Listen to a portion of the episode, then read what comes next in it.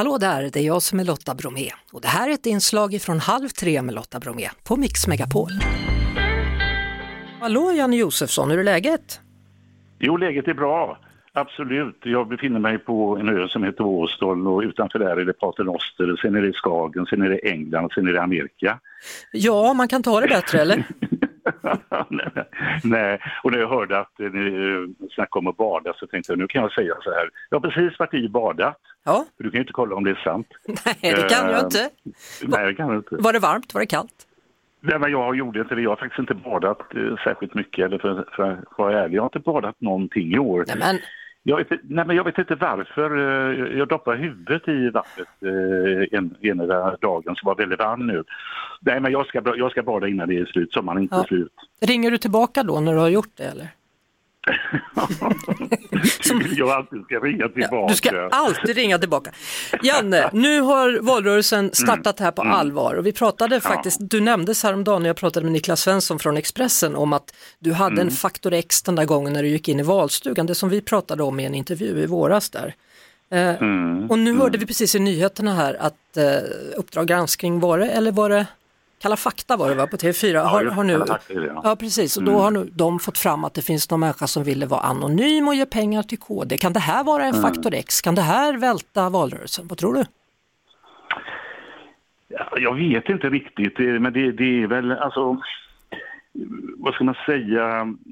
Det är väldigt många utfrågningar nu och de är, det är väldigt välregisserat. I början av valrörelsen, eller i början, för ett år sedan eller ett halvår sedan så hade jag nog sagt Magdalena Andersson kommer att vinna, sossarna kommer att vinna. Det är mera osäkert tycker jag vad det gäller bägge eh, blocken och sånt där. Men det är också kanske mer än någonsin, även om det har varit ett antal år, väldigt, väldigt välregisserat. Och det finns också, men det började redan på 90-talet, liksom att det är sådana här war rooms som partierna har. Där, eh, och de är helt hemliga och helt okända, de personerna som har en oerhörd makt. Så det vi ser ibland, till exempel när eh, migrationsministern säger att eh, nu måste vi ta hänsyn till det etniska och var folk kommer ifrån, om det är icke-västländskt och alltihopa det här. Och sen efter det, och så får han kritik och sen efter en vecka kommer Magdalena Andersson och försvarar det. Väldigt mycket av det här är regisserat, jag kan inte eh, om den historien, av personer i det här så kallade war room. De är helt okända och de har en oerhörd makt och det är väldigt mycket hämtat från USA och sånt här. Men jag, jag tycker det är väldigt osäkert. Eh, Hur det ska bli? Ja. Ja. Ja, Eh, säga. Maud Olofsson var med eh, för en timme sedan ungefär i programmet och hon pratar om att hon tycker det har blivit så oerhört polariserat och att folk skramlar väldigt mycket och att vi lever i en lite ankdamm. Håller du med? Mm.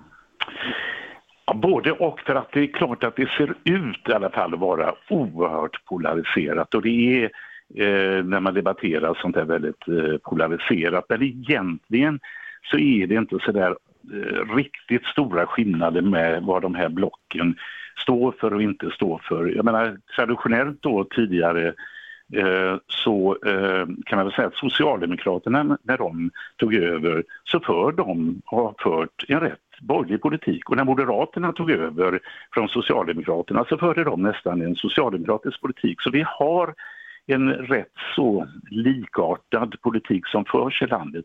Men det blir allt svårare att leverera det som folk eftertraktar. Mm. Bra jobb, bra ekonomi, trygghet, säkerhet, bra skolor. Allt. Det, det är alltså, den svenska modellen har krackelerat. Den. Vi, vi var ju kända som ung reporter när jag var utomlands i USA till exempel. Så snackade de om Sweden the middle way och det var någonting emellan Mm.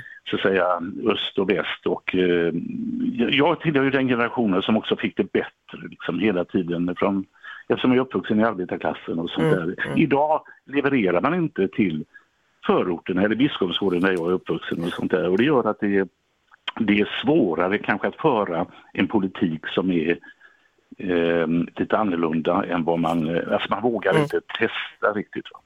Janne Josefsson, du är ju en sång och dansman. Han du någonsin med och lära dig flamenco? Säger du nu? När du var med i Let's Dance. Flamenco. Ja, Ja, när jag var med i Le- Let's Dance. Måste du ta upp det? Jag trodde det skulle handla om... Och politik. Jo, jag hade jätteroligt. Jag bara undrar Ja, om, du, om, du, om du någonsin eh, dansade flamenco där eller? Nej, det var, eh, vad, vad, var det jag dansade nästan ja. förträngt det. Tango det var, tror jag det var faktiskt. Tango var det ja, och sen var det, eh, jo men vi var nog inne på eh, flamenco också. Bra. Här, men det, det, det, kan du dansa så jäkla bra? Då? Nej, men jag ska prata med en som kan så småningom här. Så. Eh, sköt ja. om det nu och så tar du ett dopp och inte bara huvudet utan hela kroppen. Jag tror det blir jättebra där, Janne Josefsson. Men kanske, kom, eh, kanske det kommer avslöjanden snart, för det, man måste gå bakom kulisserna, man måste gräva fram saker mm. som de egentligen inte vill ha fram. Ha det gott! Vi hörs såklart på Mix Megapol varje eftermiddag vid halv tre. Ett poddtips från Podplay.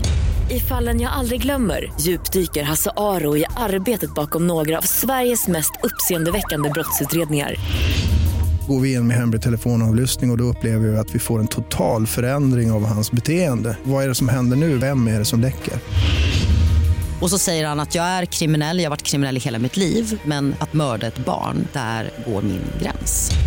Nya säsongen av Fallen jag aldrig glömmer på Podplay.